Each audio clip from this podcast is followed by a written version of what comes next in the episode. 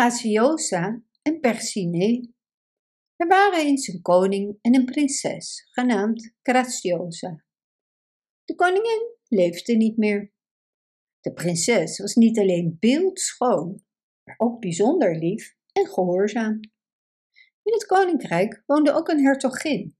Haar naam was Grognon. En net zo nors als haar naam klonk, zo lelijk en gemeen was deze vrouw. Op een dag kwam de koning tijdens de jacht dicht bij het kasteel van Grognon. De hertogin wist van zijn komst en zorgde voor een ontmoeting. Ze vroeg hem vriendelijk een glas wijn te komen drinken. In het kasteel nam zij hem mee naar de wijnkelder.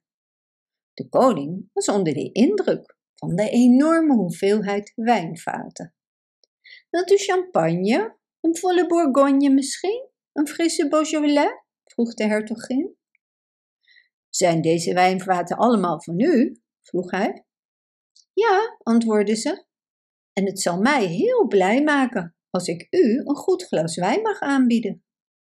De koning maakte zijn keuze en de hertogin opende de tap van een vat. In plaats van wijn stroomden er gouden munten uit. Dat is vreemd, zei de hertogin, en ze opende een tap van een ander vat. Er stroomden parels en diamanten uit. Wel, wat ik nu meemaak, riep ze uit. Iemand heeft mijn wijn gestolen en deze rotzooi ervoor in de plaats gezet. Nou, reageerde de koning, met deze rotzooi zou je mijn hele koninkrijk kunnen kopen. U mag het hebben, zei de hertogin, als ik uw koningin zou mogen worden.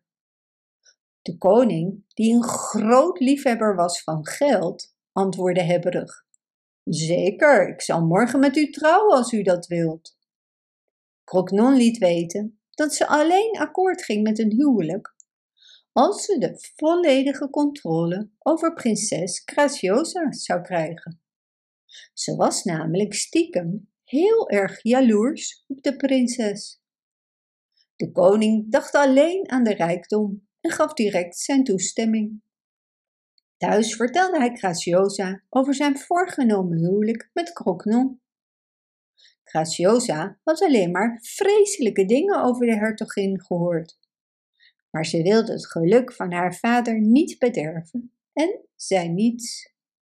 Grognon koos voor het beste paard om daarmee naar het kasteel van de koning te gaan.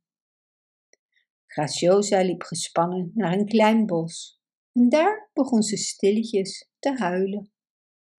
Opeens verscheen er een jonge schildknaap voor haar. Prinses, zei de knappe jongeman, ik ben Percinet ik ben al een hele tijd verliefd op jou. Ik heb de veeëngave om mezelf onzichtbaar te maken. Ik kom nu tevoorschijn om je te zeggen dat ik je hulp en troost wil zijn, omdat ik van je hou en met je wil trouwen. De prinses was onder de indruk van Percinet. Ze bleven een tijdje praten, tot Graciosa zich klaarmaakte voor de ontmoeting met Crocnon. Ze stapte op haar prachtige paard en reed de hertogin tegemoet. De hertogin zag dat het personeel alleen oog had voor de beeldschone Graciosa op het gracieuze paard. Ze werd woedend en beviel dat zij plaats mocht nemen op het paard van Graciosa. De prinses overhandigde het paard en toen Grognon het besteeg, ging het er als een dolle met de hertogin vandoor. Uiteindelijk werd ze gered en sprak woedend tot de koning. Die dochter van jou wilde me vermoorden. Ze zal daarvoor gestraft moeten worden. En ze beviel dat Graciosa door vier bedienden met de zweep zou worden geslagen. Maar er gebeurde iets merkwaardigs. De zweepen veranderden bij elke slag in een veer en Graciosa voelde geen pijn maar slechts een zachte tinteling. Eenmaal terug in haar kamer stond de veeprins op haar te wachten. Hij adviseerde haar net te doen alsof ze veel pijn had door de vredebehandeling die ze had moeten doorstaan. De bruiloft vond vrij kort daarna plaats en werd uitbundig gevierd. Kort daarna gaf de koning toestemming voor een toernooi waarbij zes dappere ridders van het hof moesten zeggen dat Crocnon de mooiste dame ter wereld was. Eén ridder waagde het om dit te betwisten en verkondigde hardop dat Crocnon de lelijkste vrouw in het universum was. De mooiste vrouw was Graciosa. Graciosa wist dat dit Percinet moest zijn, maar durfde niets te zeggen.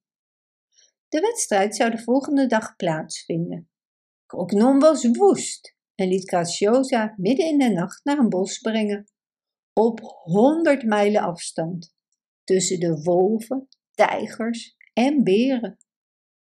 Graciosa strompelde angstig en vertwijfeld in de duisternis door het bos en snikte: Percinet, waar ben je? Terwijl ze sprak, verblindde een helder licht haar ogen. Het bos veranderde in een stad met glinsterende steegjes, met aan het einde daarvan een paleis van kristal. Ze wist dat het gebeurde door haar feeënprins. En daar stond hij voor haar, knapper en charmanter dan ooit. Hij bracht haar naar het paleis van zijn moeder, de feeënkoningin. Ze bleef er acht dagen tot ze hoorde dat haar vader dacht dat ze dood was. Haar stiefmoeder, de hertogin, had hem dat wijsgemaakt. Percinet vroeg Graciosa met hem te trouwen, maar ze kon geen ja zeggen. Ze wilde haar vader zien. Graciosa vroeg Percinet haar naar huis te brengen. Dan zou haar vader weten dat ze nog leefde en dat de hertogin een bedriegster was. Dus maakte Percinet zijn wagen in orde en toen ze erin weggereden, zag Graciosa het veeënpaleis achter zich in stukken vallen. Wat is dit? vroeg ze. Prinses, mijn paleis bestaat slechts voor degenen die gestorven zijn. Je zult het pas weer zien als je dood bent, zei Percinet. Prins, het spijt me dat je boos op me bent, zei Graciosa. Ze begreep dat haar vertrek en afwijzing moeilijk voor hem moesten zijn. Toen de prinses haar vader zag, had ze grote moeite hem ervan te overtuigen dat ze nog leefde. De hertogin wist de koning wijs te maken dat Graciosa niet de prinses was, maar slechts een jonge dame die gewoon veel op haar leek. Graciosa werd voor het misleiden van de koning in de gevangenis gezet. Crocnon raadpleegde een kwaadaardige vee. Ik heb je hulp nodig, zei ze tegen de vee. Ik heb een meisje in de gevangenis die de hoogste straf verdient. Help me elke dag haar een zware taak uit te voeren. De vee bracht een klos touw zo dik als vier personen, maar samengesteld uit breekbaar fijn draad en zo verward dat het geen begin of einde had. Crocnon bracht het naar Graciosa en zei: Zie deze klos zo af te wikkelen dat geen enkele draad breekt. Lukt het je niet, dan zal de straf je dood zijn. Graciosa nam het touw en direct braken honderden draden af. Vertwijfeld riep ze: Percinet, help me toch! Meteen stond Percinet naast haar. Zie mij, prinses, klaar om je te dienen, ook al heb je me verlaten. Hij raakte het touw aan met zijn toverstok. Deze ontwarde zichzelf en wond zich in perfecte staat op. Nog meer nodig? vroeg hij koeltjes. Percinet, ik dank je voor je hulp. Je kan ook met me meekomen en ons allebei gelukkig maken, zei de feeënprins. Maar Graciosa zei niets en Percinet verdween. De volgende dag zag de hertogin dat de prinses haar taak had volbracht. De vee kreeg een snauw. Zorg dat je nou iets verzint waar ze nooit in zal slagen, siste ze naar de vee. De vee bracht een mand met miljoenen verschillende soorten veren. Graciosa kreeg de taak ze op vogelsoort te sorteren. Graciosa probeerde het geduldig, maar ze zag geen verschil in de veren begon te huilen. Percinet houdt niet meer van me, want anders was hij hier al geweest. Hier ben ik, mijn prinses, riep een stem van onder de mand. en Percinet verscheen. Hij gaf drie tikken met zijn toverstok en de veren vlogen uit de mand en schikten zich in kleine hoopjes, elk van een andere vogel. Hoe kan ik je ooit bedanken? vroeg Graciosa. Hou van me, antwoordde de prins teder en vertrok. Toen Grognon arriveerde, zag ze dat ook deze taak was volbracht. Woest stapte ze op de vee af die een nieuwe list bedacht. Ze bracht een doos. Geef deze doos aan de prinses en verbied haar hem te openen. Als ze zo slecht en ongehoorzaam is als jij zegt, zei ze tegen Grognon, dan zal ze het doosje openen en kun jij haar passend straffen. Grognon nam de doos en beval Graciosa het naar haar kasteel te dragen en op een bepaalde tafel te zetten. Op geen enkele manier mocht ze het doosje openen. Graciosa vertrok en omdat ze moe en hongerig was, ging ze in het bos even uitrusten. Opeens kreeg ze een verlangen het doosje te openen. Als ik hem nu eens openmaak en er alleen maar even in kijk, dan maak ik meteen weer dicht. Ik neem er niets uit. Niemand zal daar iets van merken. En zonder na te denken over de gevolgen, tilde ze het deksel op. Onmiddellijk sprongen er tientallen kleine mensen uit. Ze sprongen de groene weide in en verdeelden zich in verschillende groepen. Graciosa probeerde ze te pakken, maar ze maakte er een spelletje van om telkens weg te rennen. Opnieuw riep ze Percinet om hulp en opnieuw verscheen hij. Met zijn toverstok stuurde hij alle kleine mensjes weer terug in de doos.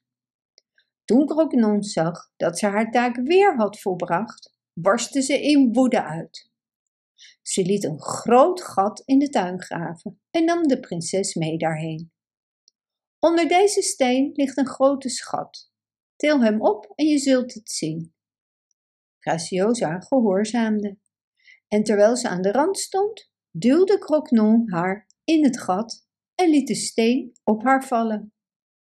En hierna leek er geen hoop meer voor de arme prinses. O Percinet, zei ze, waarom heb ik je liefde niet beantwoord en ben ik niet met je getrouwd? Terwijl ze sprak, zag ze door de lege duisternis een sprankje licht. Kwam door een kleine deur. Ze dacht aan wat Percinet had gezegd. Dat ze het feeënkasteel weer zou zien na haar dood. Dus kroop ze door het deurtje en kwam terecht in een prachtige tuin. En ze wist dat ze hier Percinet zou zien. Inderdaad, daar stond hij al op haar te wachten. Over Graciosa's wangen stroomden tranen van geluk. Ze trouwde met Percinet en ze leefden voor altijd samen en waren heel gelukkig. Bedankt voor het luisteren. Wist je dat je dit verhaal ook op onze website ridiro.com/nl kunt lezen, downloaden en printen?